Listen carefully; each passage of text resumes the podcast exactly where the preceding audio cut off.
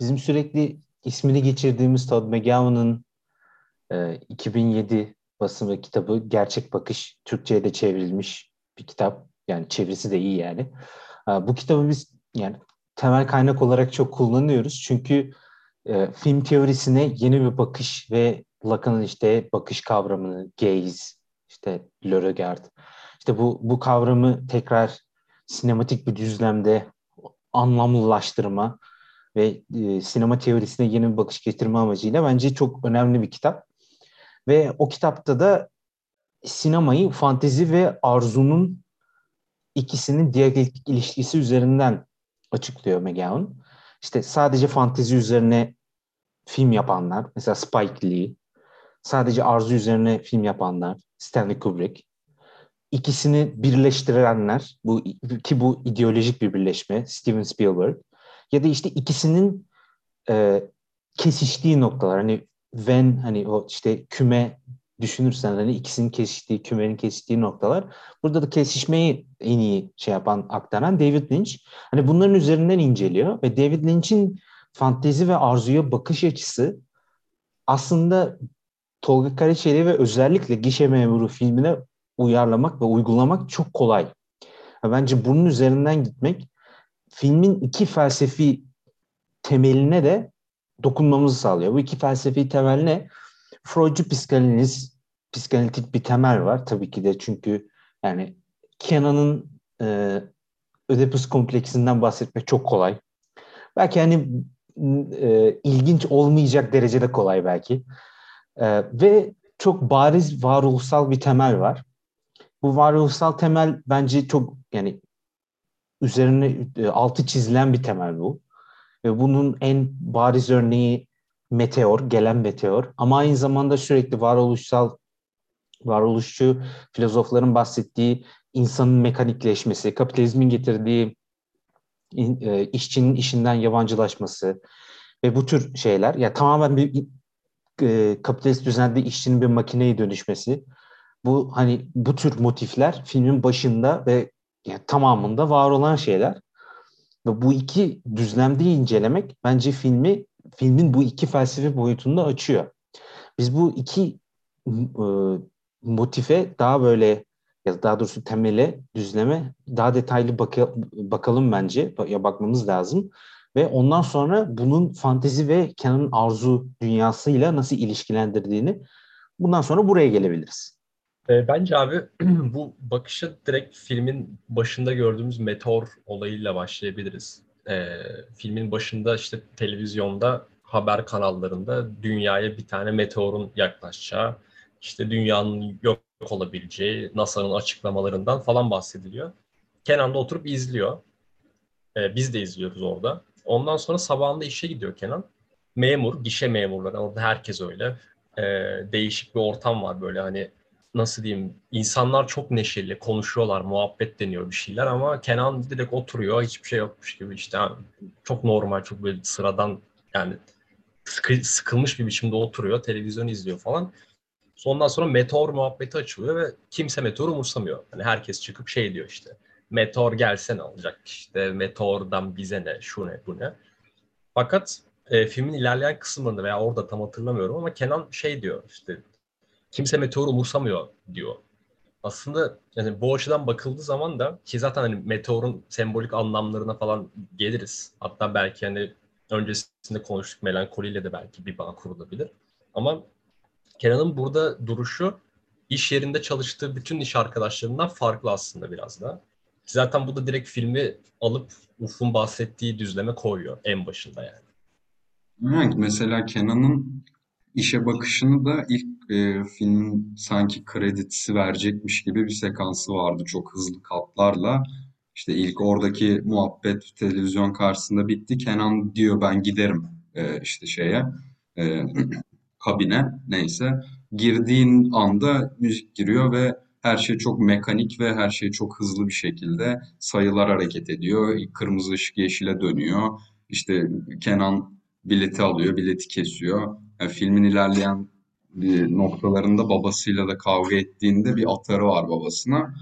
Ee, işte sen ne işte ben neyim ben şuyum 50 lirayı ver biletini keseyim 46 lira üstünü vereyim. 30 ver biletini keseyim 24 lira üstünü vereyim gibi.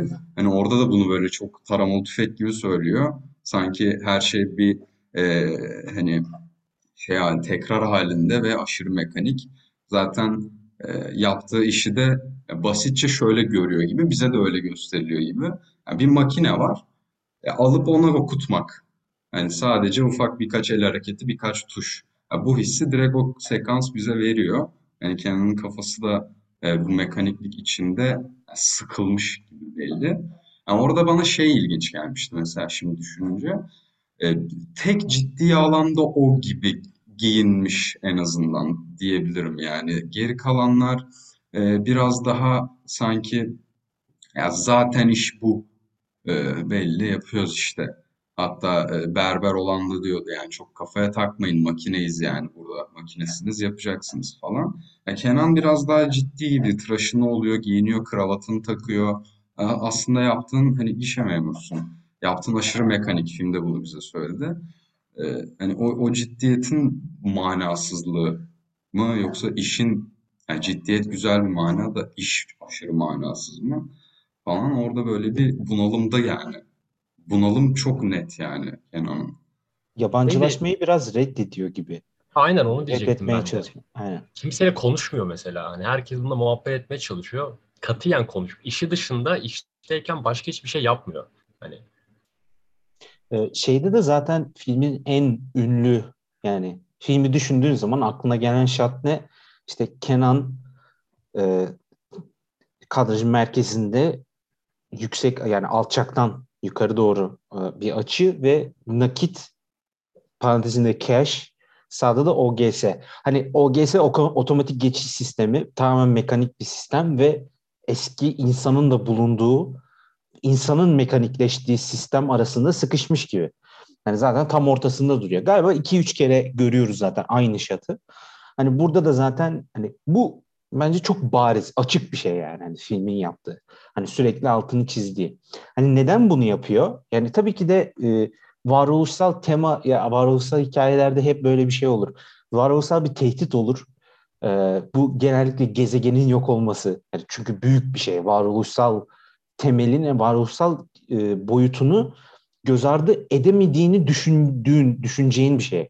Hani gezegen yok olur, yok olacağı düşüncesi gelirse herkes varoluşsal bir krize girer ve herkes varoluşunu sorgulamaya çalışır düşüncesi var bizde.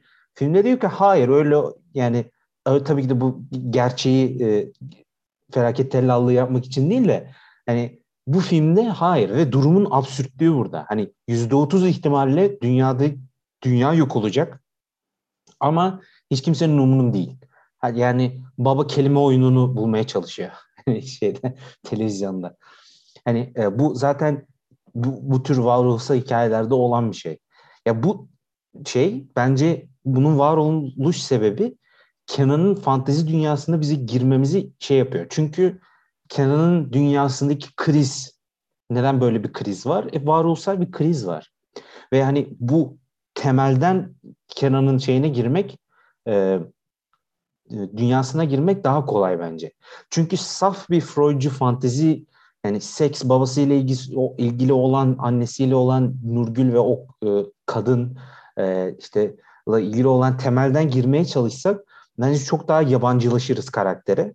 Varoluşsal bir temelden girmek işinden yabancılaşmış işte meteor geliyor ne olacak onlar hiç kimsenin umurunda değil.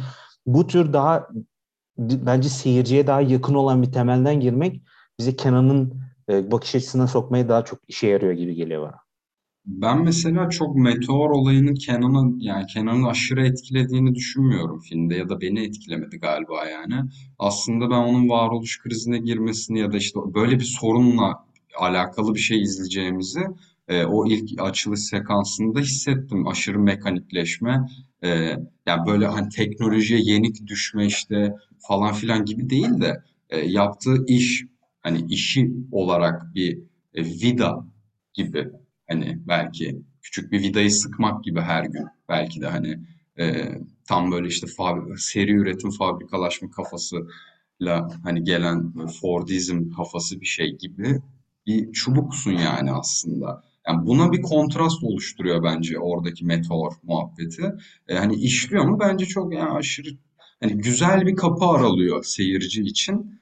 E, hemen de bunu atlaması ve üstünde aşırı durmaması bence hani Kenan'dan ziyade geri kalan toplumun bununla aşırı alakasız ve böyle kayıtsızlığı orada çok e, sağlam hani ol, oluyor. Özellikle işte Nurgül'le çay içiyorlar. Ya meteor geliyor ya falan. Hani muhabbet açma lafı olmuş. Hani kriz aslında. O güzeldi. Aynen bence dediğin kesinlikle doğru. Ve e, aslında bunun tersini de görüyoruz. Şey anlamında tersini. İnsanın mekanikleştiğini görüyoruz. Bunu zaten söyledik nasıl olduğunu.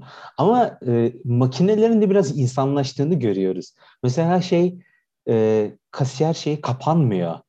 E, neydi onun adı? Geçit e, afardaki geçit kapanmıyor. Ondan sonra e, megafon çalışmıyor. Hani tek ve e, şeyde o gişe şey e, bilgisayarları tuşlarından eski, sararmış, kirli ve hani tam hani yer değişmiş gibiler. Hani insan hani insan mekanik görevi üstleniyor. Şeyler daha böyle insani. Hani böyle çelişkilerle dolu makineler. Çalışmıyor bilmem ne. Tabii ki de makine dediğim zaman filmde gişedeki makinelerden çok bir de arabayı düşünüyoruz. Hani araba da çalışmıyor. Araba daha çok yani Kenan için araba daha büyük bir insan. Hani daha ulvi bir insan gibi. Hani şey anlamında hani e, arzuladığı ve tamir olmasını istediği, çalışmasını istediği şey anlamında. Hani o iki değişim ya bu da tabii ki de varoluşsal bir tema. Hani hikayelerde olan bir şey. Ama çok da olan bir şey değil bu. Bence saf bir yabancılaşma, Marksist bir yabancılaşma göstererek de kalabilirdi. Tam tersi yöne gitmek bence çok ilginç. Hani mekaniğin de biraz e, çelişkilere uğraması ve o çelişkilerin içerisinden insancıl bir şey çıkması ya da insana e, yorduğumuz, yorum şey yaptığımız, e, atfettiğimiz şeylerin oradan çıkması o da ilginç mesela. Aynen abi kesinlikle ki bunlar da mesela Afar'a gittiğinde hani e, sürüldüğünde bir nevi oluyor. Hani oraya sürüldü.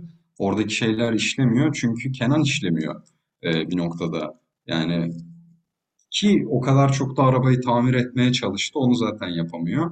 Ama hani şeye çok net katılıyorum. Araba e, gerçekten tamir edilmesi gereken ya da işte olması gereken bir insan yani. Ha, bu baba mıdır, o kadın mıdır ya da işte arzulanan kadın mıdır e, bilinmez ama hani yoruma açık ama e, şey zaten ilk girdiğinde de oradaki bir önceki adamın hani öyle bitmişliği artı ruhu çekilmiş gibi bir adam var orada. Onun yerine geliyor Kenan. Kenan da öyle bir ruhu çekilmiş gibi. Adam böyle tekrar ediyor bir şeyleri. Ee, ve garip yani hani biraz komik de e, üzücü de hani gerçekte karşılaşsan bu ne yaşıyor dersin. E, Kenan'ın da ilerleyen dakikalarda o karaktere gelmesi e, de acı yani hani acı bir gerçek.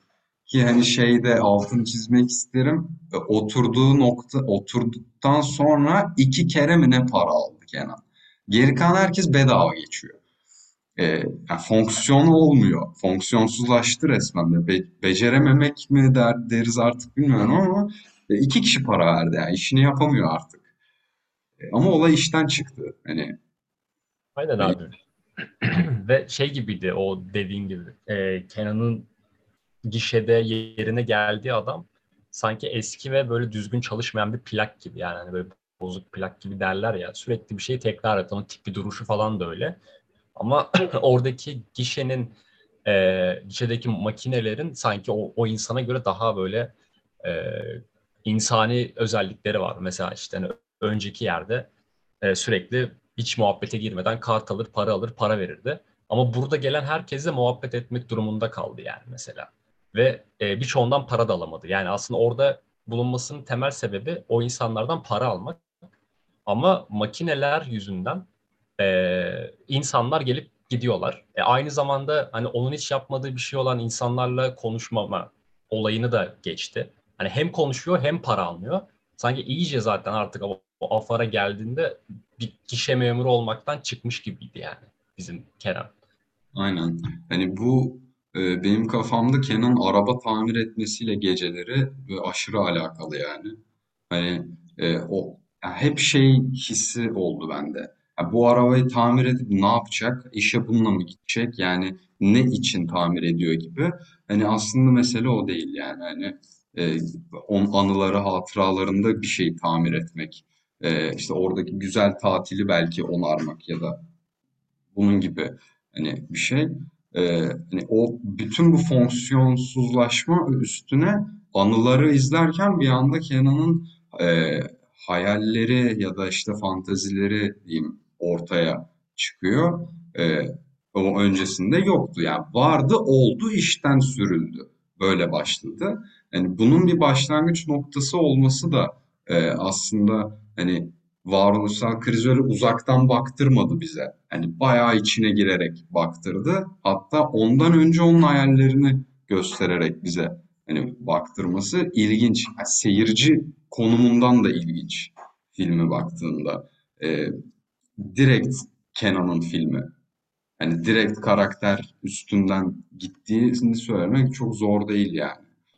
Aynen o bu film hani senin dediğin gibi bu film Kenan ve onun dünyası ile ilgili onu başta güzel video. Yine bak şey aklıma geldi. Lynch'in Eraserhead'de hani çok yakınlaştığı şey e, beynine galiba kafasına yakınlaştığı şey orada hani aynı görevi şey yapıyor. Bu hani bu mekanik organik mekanik şey varlığın dünyası ile ilgili ben öyle yorumluyorum mesela. Burada da aynı durum var yani. Ve e, sonunda mesela oradan çıkarması bizi bence en filmin ya benim açımdan filmin en üst noktası bu. Hani sürekli Kenan'ın dünyasındayız sonuna kadar. Sonuna kadar derken sonunda bir an çıkıyoruz. Çok hani bir an bir realite, bir gerçeklik e, şey yapıyor ve bu gerçeklikle yüzleşmek her zaman acı bir yüzleşmek. Yani bu ne o? Kenan deliriyor ve fantezi e, nesnesine, o kadına ismi yok. Yani fantezi nesnesi olduğu için ismi yok yani. Hani bunu tabii ki de Simone de Beauvoir'a ve onun varoluşsal felsefesine bağlamak çok kolay.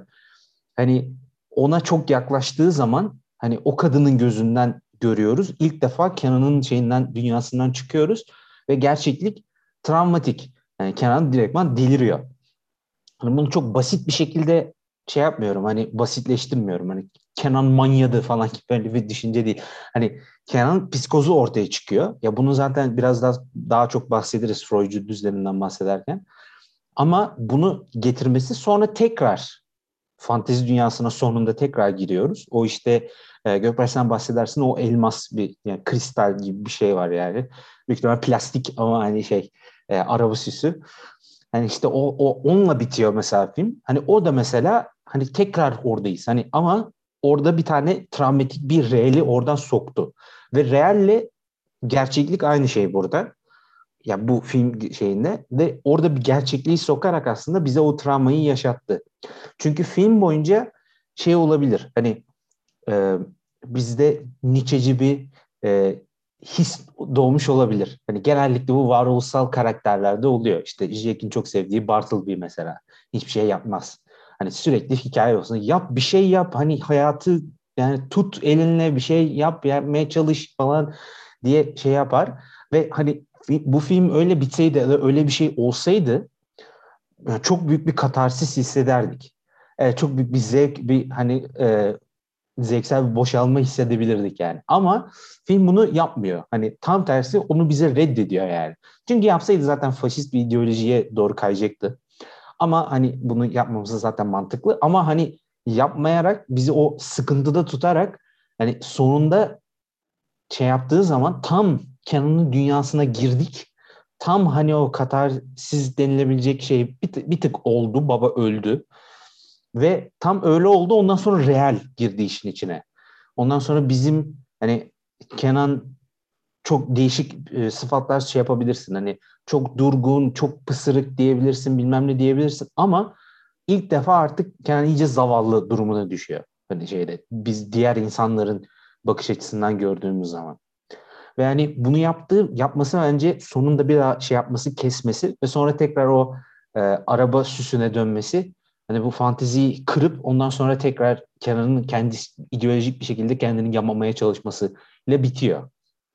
O da ilginç. Yani orada bir başa bağlama gibi bir şey var aslında da hani filmde başa bağlamaktan ziyade Kenan'ın Kenan'ın Kenan'ın kendisinin başa bağlaması gibi hani o şeyi gösterdi işte bize babayla anneyle tatile giderken annesi takıyor onu e, cama dikiz aynasına. E, zaten hani anne figürünün yokluğundan bir fantezi bağlantısı oradan yani direkt bir obje filmdeki bir obje üstünden yapılması da e, güzel yani bence. Ya o objenin de böyle her babaannelerimizin evinde olan avize e, şeyi olması da çok iyi yani. Hani onunla ya küçükken ben de oynardım gerçekten. O ya ışığı rengarenk yapması aslında ki bunu e, birçok işte o kadın dediğimiz kadınla beraber olduğu sahnelerde de hayal ediyor. İşte kendi arabasını gece tamir ediyor hayalinde arabada gidiyorlar. Yani ne oluyor falan demiyorsun çok hayal ediyor işte. Orada da yani renk paletinde böyle bir gökkuşağı iniyor gibi e, bir işte ışık kırılması sanki ondan çekmişler gibi. E, bu şeye benzettim ben bunu biraz. Ferah Feza'da da öyle bir sahne vardı. Camın içinden e, bakma ve ışığı görme, işte ufuğu görme gibi. Hani e, oradan bağlantısı çok iyiydi ki e, o yaşadığı travmadan sonra hani geçiyor ya artık şey yürüyor gidiyor gişeden çıkıyor bambaşka bir yere geliyor alakasız bir depo gibi yıkık dökük. E, aslında hani orada orada değil. Orada kulede işte amirler, amir var. Diğer çalışan arkadaşlarıyla oturuyor ama hani gerçekten kafasının içinde yaşadığı bir şey izliyoruz ve sürekli e, devamlılık kesiliyor. Yani devamlılık derken izlediğimiz şat sürekli kat geliyor ve aynı şatın içine kesiliyor. Hani onun da zaman içinde kendindeki tutarsızlığı gibi bir nevi. E, hani bunu çok Terence Malick filmlerinde çok aşırı kullanılır yani. Ve burada bence çok harika kullanılıyor. E, hatta böyle çok ufak 3-5 saniye e, bir anda bir yerden bir şey fırlatılıyor. Yumurta babası atıyor, ayna kırılıyor. Aynanın kırığından Kenan oturuyor yumurtaların içinde. Yani e, tamamen konu dışı bir görsel var orada. E, yani artık birçok şeyin soyutlanmış halini Kenan'ın bu soyutlamayı sürekli yaptığının ya böyle altını çok iyi çiziyor. E, bu kötü gibi duruyor Kenan'ın yaptığı ya da isteyerek yapmadığı için işte travma onu ele geçirdi ve yıkıcı gibi duruyor. E, ben ondan pek haz etmedim. E, bence değil çünkü. E, fonksiyonsuzlaşması da bence iyi. E, tabii bu hani bence bireysel bir şey çünkü çok da yani işte e, travmatik baba ilişkilerine altını çiziyor falan. Yani şeyi de güzel yapıyor film. E, Kenan babasıyla bir e, işte kendini eşliyor bir ayna gibi. İşte babası elini uzatıyor arabada giderken o da elini uzatıyor böyle uçak uçurur gibi. Hani biz de zaten Kenan'la kendimizi eşliyoruz, film izliyoruz. Ya bunu da bir de işte e, subjektif kamerayla da çok iyi veriyor film. Hep yakın çekim, hep e, uzatmadan hani objektife indirmeden görseli bir yerde sabit bırakmadan tripod üstünde hareketli ve sürekli kat gelerek, keserek e, Kenan'ı sokuyor. Hani e, bu bence hatta konuşmuştuk öncesinde de girmeden kayda. Filmi uzun hissettirdiğini söylemiştik. Hani film uzun gibi. E, burada gerçekten travmatik bir his yaratıyor hani izleyici olarak. Bende yarattı yani. E, bu, bu çok başarılı bana göre. Gerçekten bir hikayeyi bir, belli bir mesafeden işte güvenli bir mesafeden izlemektense bu mesafeyi böyle patır patır kırıp e, rahatsız hissettirme noktasına geldi. Ki film ne gerilim ne korku yani öyle de değil. Ee, bu da güzeldi yani. İşte film bittiğinde mesela ya özellikle filmin son 30 dakikalık 20 dakikalık sekansı var. O işte arabanın düştüğü bir şeylerin olduğu sekans. Yani zaten Tolga Karaşek'ten bahsederiz hani e, bundan sonra ama o sahne, o sekansta zaten hani mesela filmin o son yarım saatine kadar sanki bana böyle bir saat, bir buçuk saat, böyle iki saat falan film izlemişim gibi geldi. Hani artık bitti, bitti, bitecek gibi falan hissediyorsun. Ama o son sekansa geldiği anda sanki e, bizim Kenan'ın yaşadığı orada geçirdiği krize sen de dahil oluyormuşsun gibi oluyor o 20-30 dakikalık süre bir anda geçip gidiyor. Ee, film abi bu açıdan bence de çok başarılı ama şeyin de altını çizmek lazım bence. Ee, arabanın düşüşü veya ne bileyim hani e, filmin sonunda kadının verdiği tepki bir şeyler e, aslında filmin başında yani çok uzun geldi de, dedin ya abi ben ikinci izledim mesela filmi ve o ilk hani ilk izlediğimde hepsini çok fark etmemişim ama aslında film sana sürekli alttan alttan bu ipucunu veriyor. Ve belki de bu yüzden hani Kenan'la filmin sonunda kurduğun empati seni de çok böyle şey bırakıyor. Hani darma duman bırakıyor yani. Yani mesela hani burada şeyden bahsedebiliriz belki. Hani dedim ya işte film ne korku ne bir şey yani. Dram tamam işte dram filmi.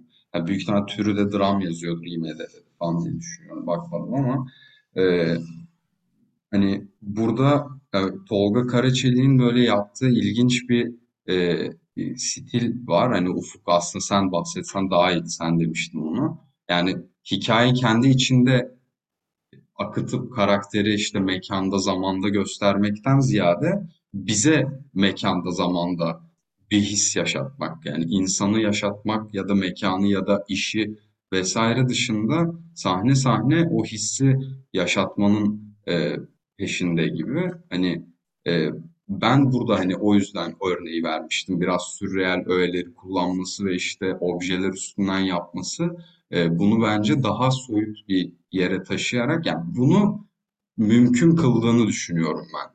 O elması kullanmanın e, işte bir hayallere veya işte güzel e, günlere açılan duygular, düşünceleri aralayan bir ışık parlaması gibi belki. E, hani aynanın kırık olması, kırık aynadan oturup efkarlı efkarlı sigara içmesi, efkarlı sigara içmek de aşırı varoluşsal bir kriz. Yani nasıl o kadar tekrar ediliyor ki nasıl bir tekrardır artık.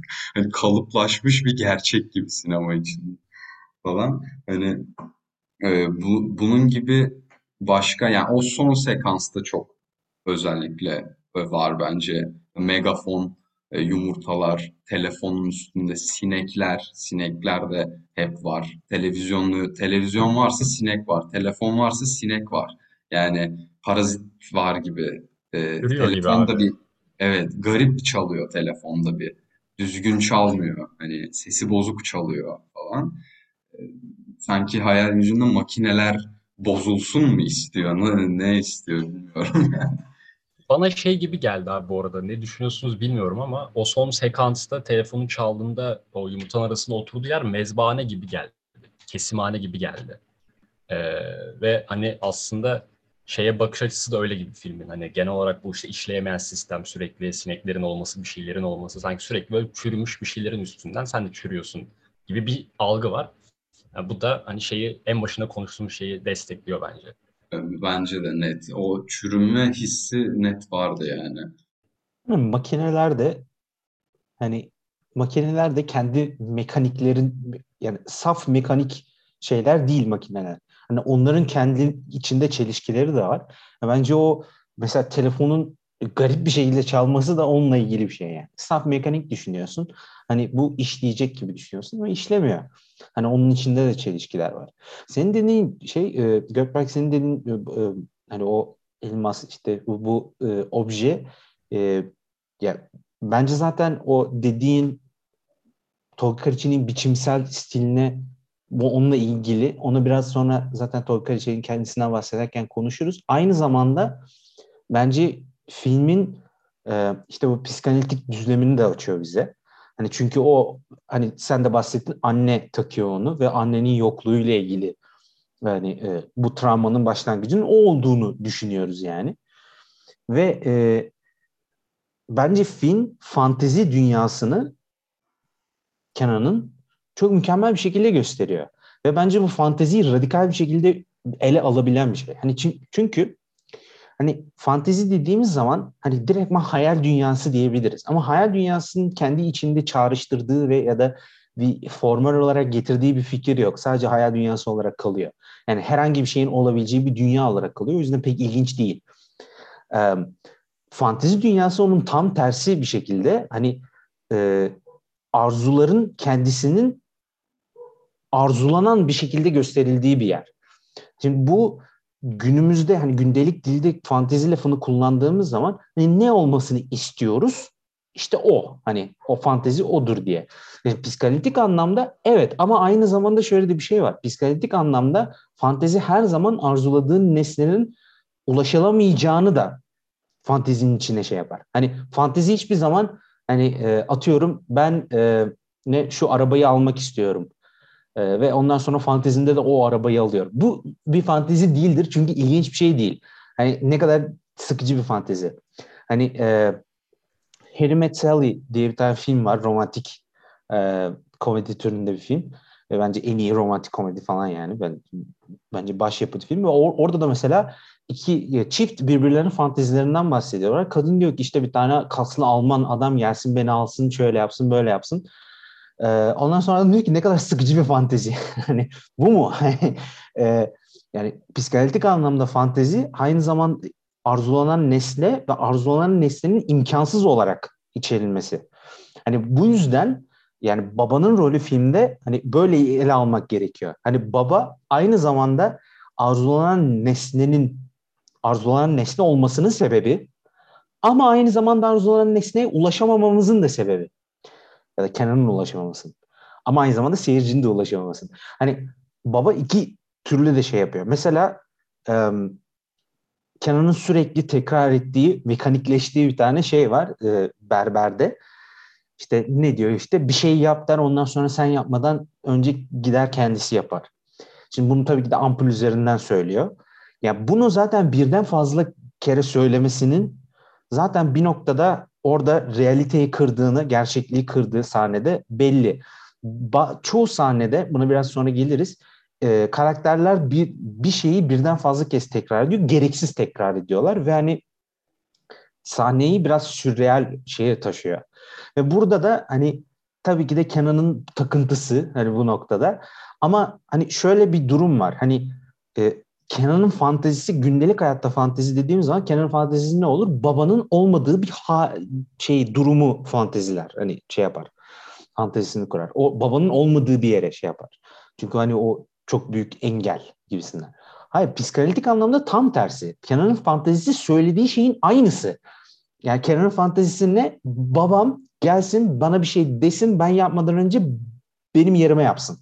Kenan'ın fantezisi bu. O yüzden hani e, ilk gişede hani halüsinasyonu gördüğü zaman hani o şeyi gördüğü zaman babası Nurgül'le seks yapıyor yani.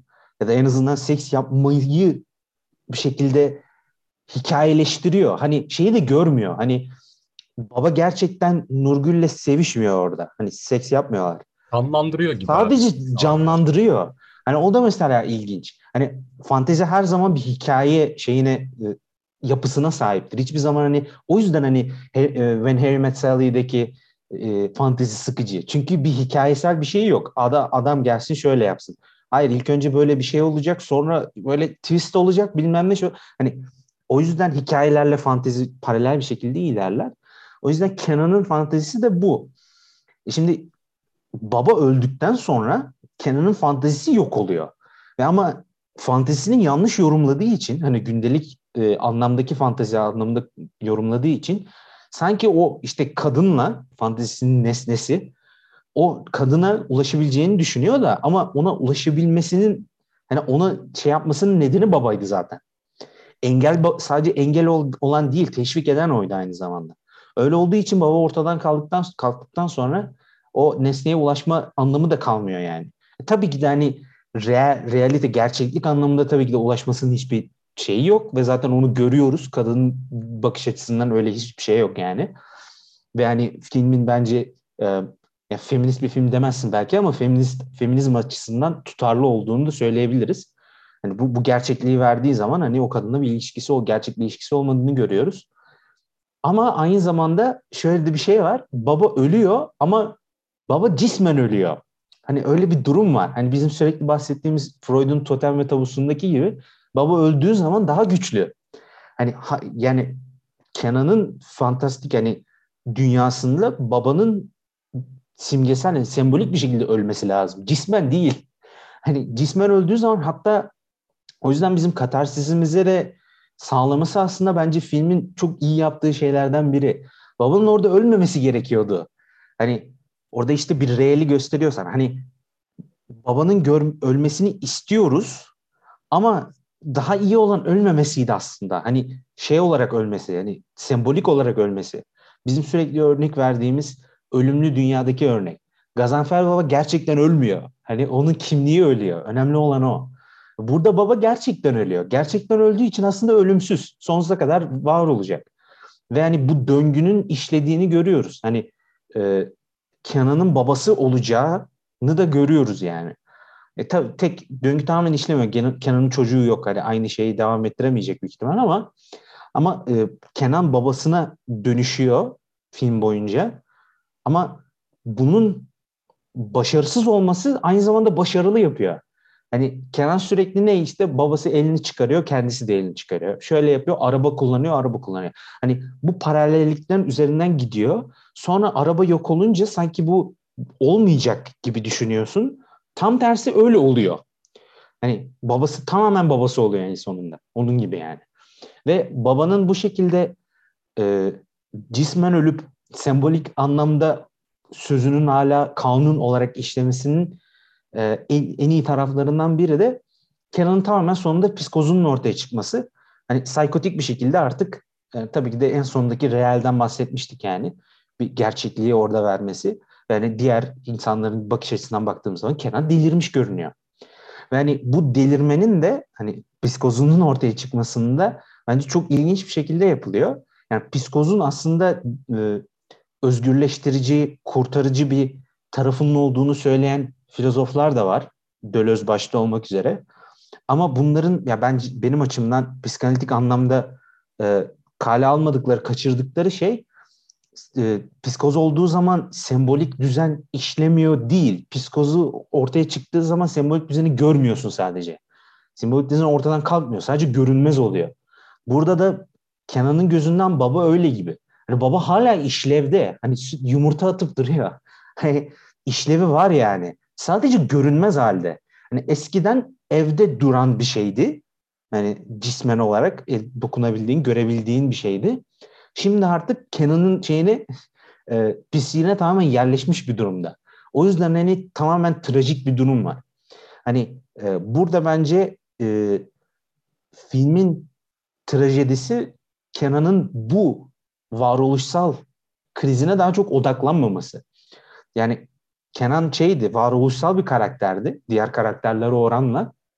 Ama o da, o da en sonunda varoluşsal durumdan kur, e, kaçıyor. Ve hani e, bence orada meteor o yüzden daha böyle bir şey. Hani hiçbir zaman gerçekleşmeyen bir olasılık sürekli arka planda.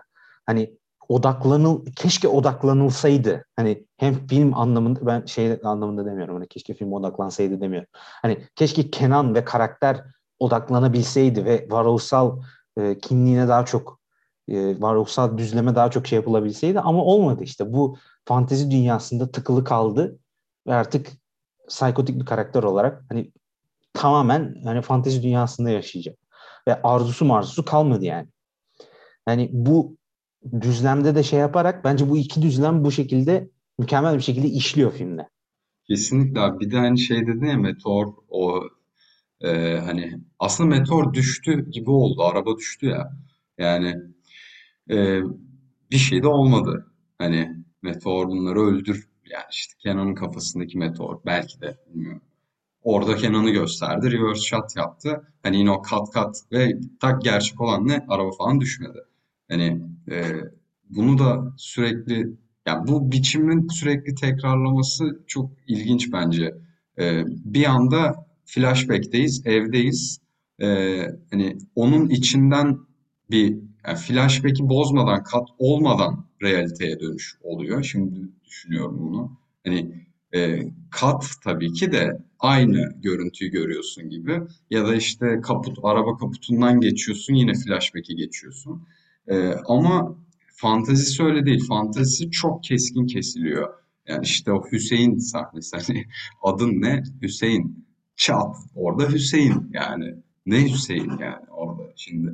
Yani o ele geçirilmiş gibi. O e, sanki yani ka- kameranın da mekanik bir işlevi.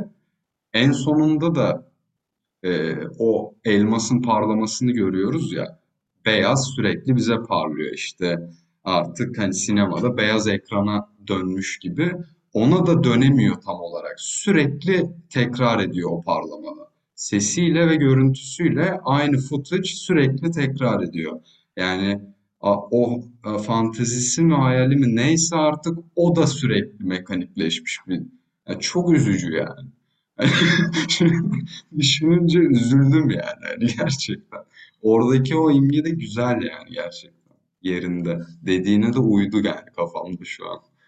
Aynen filmin trajedisi bence orada. Hani bu tamamen hani saf hani e, takılık bir karakter değilken potansiyeli vardı. Hani olabilirdi.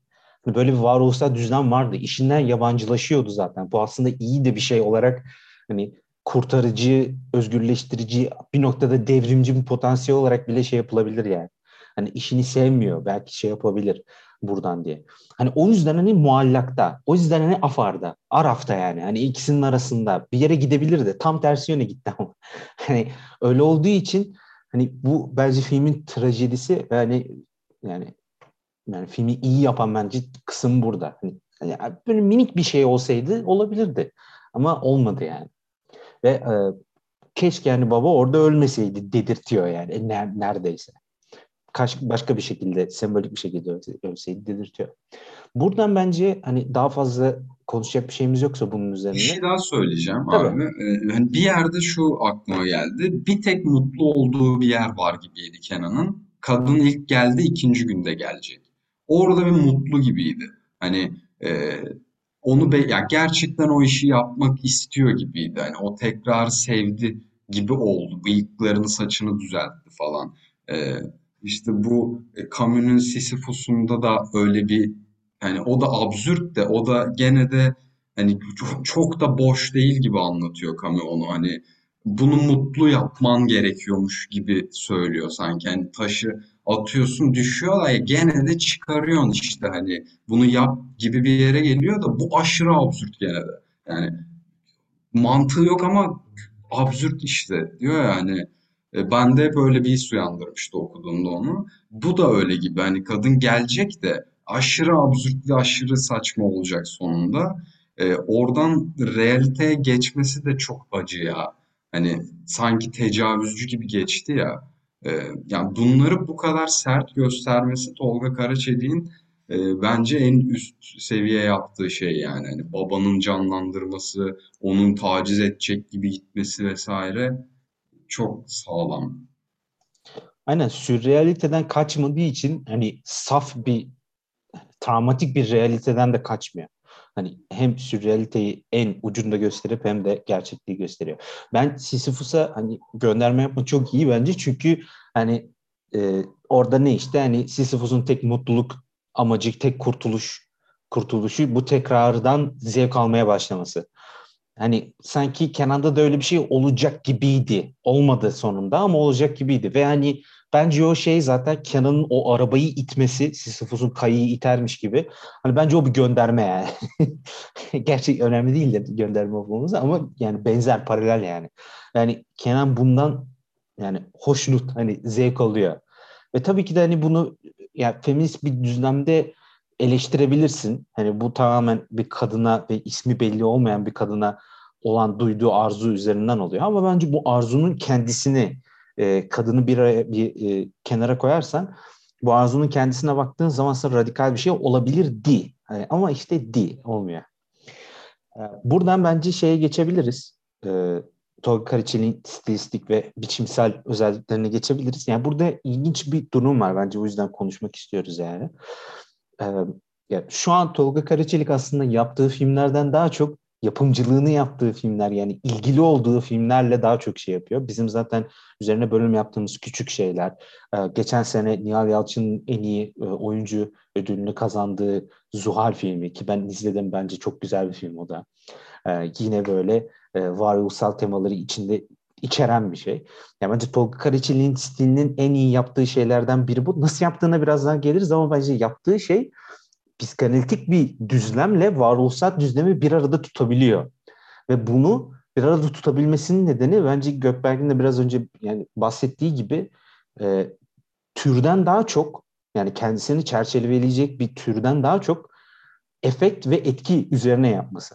Bence bu yani aynı zamanda e, işte bu yazarın ölümü ve hani modernizmle gelen biraz anti niyetçilik diyebiliriz yani. O ona da biraz uyuyor. Çünkü Tolga Karaçay'ın filmleri ve e, etkisi altında olan filmler komedi değil komik oluyor.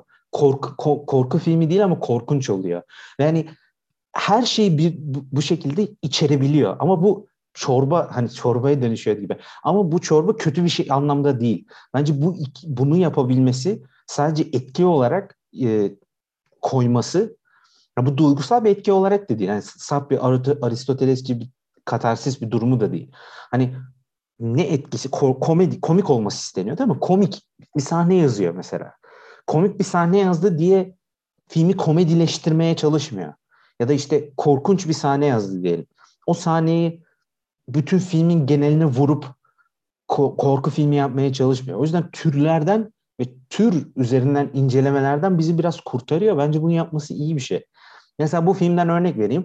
Ee, sahilde bira içtikleri berber e, en iyi arkadaşı karakter. İşte o karakterle birlikte Kenan'ın bira içtiği bir tane e, sahilde sahne var. O sahnede mesela kadından bahsederken Gökber biraz önce bahsetmiş. Yani ilk, ilk mutlu du, e, du, e, durduğu tek sahne falan diye. İşte o sahnede ne diyor işte kadın yarın onu 20 geçe gelecek. Berber karakter gülmeye başlıyor. Onu 20 geçe mi gelecek? Aa ne kadar şey. Ee, ilk söylediği zaman komik. Komik bir sahneye dönüşüyor. Kenan da biraz gülüyor zaten. Ama berber karakter nedense sürekli aynı şeyi tekrar ediyor.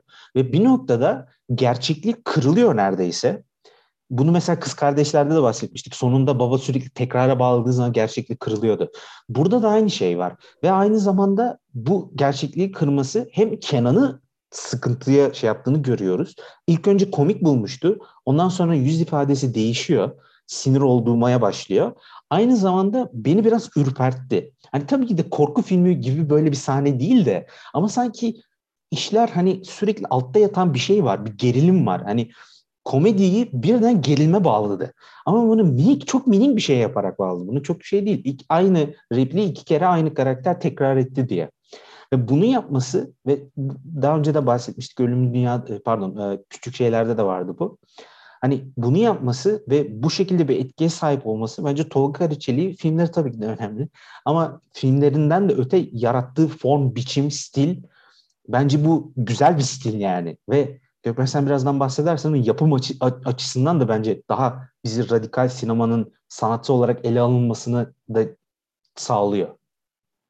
Abi ben hani burada şu an aklıma şey geliyor. Büyük bir David Lynch fanı olarak sen de be- şey benzettin zaten arzuyla fanteziyi beraber kullanma. Hani bence burada bu yani işte absürtlük ve sürrealizm de stil olarak benzetiyorum ben. Yani Lynch kendi evreninde, kendi dünyasında, kendi işte resminin içinde yaşıyor gibi o ayrı bir kafa da e, yani Tolga Karaçelik'inki biraz işte yeni Türkiye sinemasından çok konuştuk. Yani kırsal bir realizmle işte şey birleştirme artık ne denirse. Yani o realizmden kopmuyor onu diyeceğim.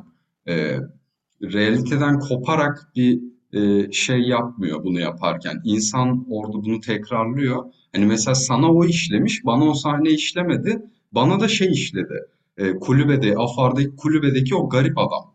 Ya, o da bir tekrarlıyor. O da bir makine gibi bir garip e, böyle yani şimdi stereotiplaştırmak istemiyorum da bir dinci gibi bir tipi var. Niye bilmiyorum. Ben şimdi öyle hissettirdi. E şimdi bu kasten değil. Bu benim gerçekten öznel bakış açım yani. Rahatsız olduğum bu değil. Rahatsız oldum onun işte sen bana 3 saat taktın deyip asla cevap vermemesi, sürekli tekrar etmesi ve böyle bir garip yürüyüşü falan. Yani e, normal, anormal bir insan gibi. Hani bu karakter bazında.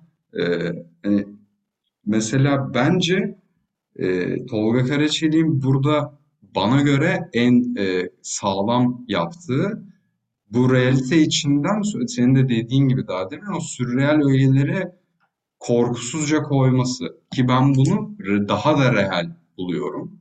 Ee, özellikle işte Sarmaşık filminde bunu çok yapıyor. Onu da yaptığımızda konuşuruz. Bu filmde de sinekler bazında benim çok hoşuma gidiyor. Yani e, hayvan yani doğal ve natural ve yani hani e, gidip böyle dağ bayır çekmiyorsun işte natural olsun diye. Orada sineğin bir bir şeyi var, aklı var gibi sanki sineğin. Sineğin bir olayı var yani. yani. Sinek öylesine geldi tabii ki. Sinek çünkü. Nereden bilebilirsin? Asla tam olarak tanımlayamazsın. Ama gene de var gibi. Hani yani şimdi buradaki o bilinmezlik yani böyle bir soyut bir kapı açıyor. Sen ne koyarsan artık içine. Yani orada bir boşluk yaratıyor gibi. Ee, ve bu boşluğu yaratması müthiş yani bence. Ee, mesela ben burada hani hayvan ve doğal öğeden bahsettim. Bunu yapıyor çünkü kelebeklerde de var. Kelebeklerde boşluk demem doldurma derim horoz patlıyor falan. Ama hani gene de manası olsun diye değil de e, belki psikolojisine girmek için belki kendince hikayeye bir yorum katman için tanımlamadan bir boşluk yaratıyor gibi hissediyorum. E, ve aslında filmleri de şey değil hani sonuca git sonuca gidiyor yani filmler. Hani modern deriz yani direkt. Hani e, konuyu gerçekten taşıyan ve e, işte öyle yaşatmak için değil de bir şey anlatmak için de çektiği filmler. O yüzden seyirciye olan etkisi de çok önemli. Yani bunu yaparken aslında manipülatif olmak çok kolay sinemada. Ee, ama ya bunu yapmıyor. Kapıyı açık bırakması çok iyi yani. Hani ee, mesela burada şeyden de bahsedeceğim bir tur. Ee, burada filmin kurgucuları arasında Çiçek Kahraman var. Ben biliyorum e, Çiçek Kahraman'ı önceden de. Çok iyi kurgucu. Ee, burada mesela hani yapım aşamasında tabii nedir, nasıl yapıyordur, sette nasıl işliyordur olaylar bilemem ama e, ben güvendiğini düşünüyorum Tolga Karaçelik'in ve başkalarına yani işte orada kurgucu, görüntücü vesairenin bakış açısına da yer verdiğini düşünüyorum. Her şeyi aşırı kontrol etmeden bir nevi anti-otörcü e, gibi hissettiriyor bana orada. E, hani böyle işte Nuri Bilge Ceylan konuşmuştuk öncesinde. Hani o kontrol freak e, bir şekilde değil de e, daha olabilir yani. Hani her şey mübah e, yolunda gidiyor gibi. Ama bu şey değil hani aşırı böyle uçuk kaçık olamayacak doğaüstü bir olabilirlik değil yani. Gene bak hikayeye de itaat eden bir şekilde e, ayrı ayrı her işte sinematografırsa o, kurgucuysa o, işte ışıkçıysa o falan. Şimdi mekan bulansa artık neyse. Bu belki böyle değil ama böyle bir his uyandırıyor Tolga Karaçelik'in çalışma biçimi. Ayrıca yapımcılık yapması da böyle bir hisini böyle destekliyor. Hani e, bu sanki işte şey demiştim öncesinde konuşurken hani Amerika'da bir film sendikaları vardır zaten ki sektörü de zaten var. Yani bizde sektörü geç sendika bile yok. Varsa da ben bilmiyorum yani amatörüz. Ama hani öyle bir sistem olmadığı belli yani Türkiye'de. E, sanki böyle bir kitle, ekip yaratıyor gibi Tolga Karaçelik'in kendisi de zihniyeti de. Hani e, bu çok iyi. Hani şeyden bahsetmiştik işte e, New Yorker filmciler genelde böyle e, bunu da hani abimle geçen konuştuğumuz bir şeydi. Hani senarist yazar aslında ki yazan filmi yazar, senarist onu senaryo yapar. Onu senaryo yapan şartisti başkası yapar. Her şeyi başkası yapar yani. Ee, işte oyuncak insan, oynayacak kişi metne sanki işte şeymiş, Kur'anmış gibi tapar. Ona göre ne denirse yapar falan. Ee, ve işi yapan kişiye iş bırakılır. Sürekli pandik atılmaz şunu yap, bunu yap diye. Yani büyük bir saygı vardır orada. E, ben böyle bir zihniyette çalıştığını düşünüyorum Dolgu Karaçelik'in. Ki her işinde de farklı bakış açıları e, gösteriyor tekrara düşmeden. E, yani bu, bu çok iyi. Aynen. Bir de neden iyi? Çünkü ya bence bunun yarattığı şey, bunun yapım kısmını yapım kısmı açısından da bence iyi ama onu bir yara bir, bir kenara koyalım sanatsallık açısından bence sanatsallığı en üst noktaya taşıyor. Burada benim aklıma gelen Hegel'in e, sanat üzerine, estetik üzerine yazdığı şey.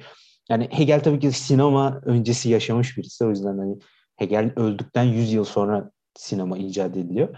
Ama Hegel'e göre en üst sanat ürünü, sanat formu mimarlıktır. Hani şey bina yapma yani mimar, mimari. Neden? Çünkü Hegel'e göre tek bir kişinin hiçbir zaman yapamayacağı bir şey.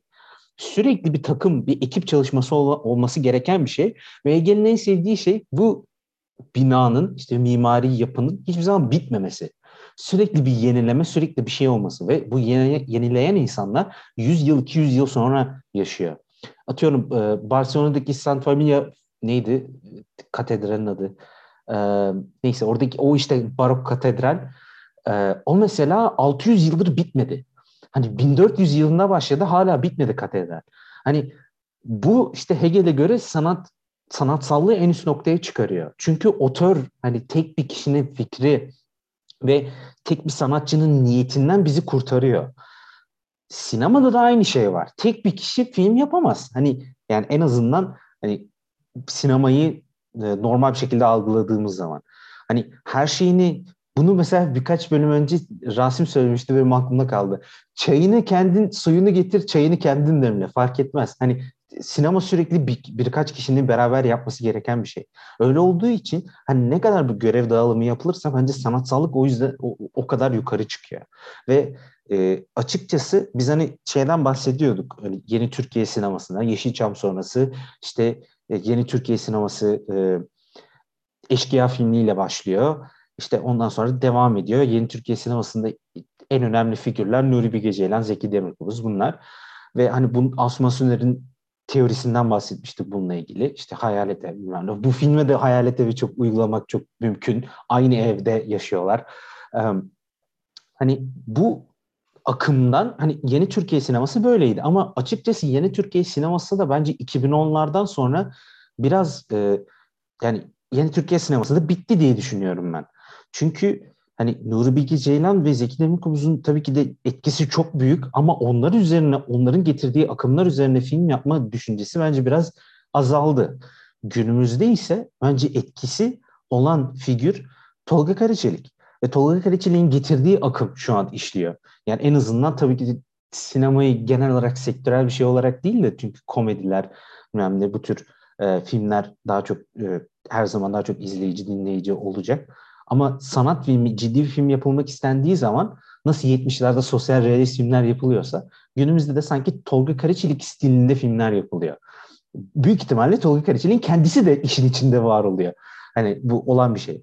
Hani bence bu e, sinemayı tek düzeleştirmekten daha çok tam tersi açıyor daha çok. Ve bu stilistik, bu formal, biçimsel olgu hani bence sinemayı daha da üst noktaya taşıyor yani. Katılıyorum abi ve e, mesela bu açıdan bakıldığı zaman kesinlikle Tolga Karışer'in şu an yaptığı yer ve yani bulunduğu konum yani yaptıkları bu yapımcı işleri falan Türkiye'de son iki yılda çıkan filmlerin birçoğunda işte zaten var Tolga Karışer'in ismi. Ama bir üretimi arttırıyor. İkincisi e, birisi abi yani normal bir insan bir filme gidip beğenmese öbür filme gidip beğenebiliyor ve bunların hepsinin altında aslında bir noktada Tolga Karaçelik var. Ama şimdi, şimdi tabii burada burada Tolga Karaçelik diyoruz ama en başında dediğimiz şeyi de hatırlatmak lazım. Sinemayı yani filmi yapım sürecinde filmin e, çekimi, işte kurgusu, sesi, oyunculukları, şusu busu falan e, böyle bir Nuri Bilge Ceylan gibi ne bileyim Zeki Demirkubuz gibi böyle her şeyin e, bir noktada tek bir kişi tarafından yönlendirildiği şekilde yapılmıyor. Dolayısıyla aslında şu an söylediğimiz Tolga Karaçelik imzası var işte Tolga Karaçelik şöyle yapıyor böyle yapıyor dediğimiz şey aslında onlarınkiyle çok farklı tutup farklı tutulmalı. Yani şu an dediğimiz Tolga, Tolga Karaçelik yani Tolga, Tolga Karaçelik bir otör oldu diyemeyiz bence. Ama Tolga Karaçelik Türkiye'de sinemanın e, en azından en azından üretim sürecinde ki ben şey de tartışırım izleyici açısından da daha demokratikleşmesini sağladı. Çünkü mesela Nuri Bilge Ceylan çok ünlü bir sürü ödül alıyor. Filmleri işte rekor kırıyor. Ama Nuri Bilge Ceylan filmlerin hepsini izleyip hepsinden muazzam zevk alan çok az insan vardır.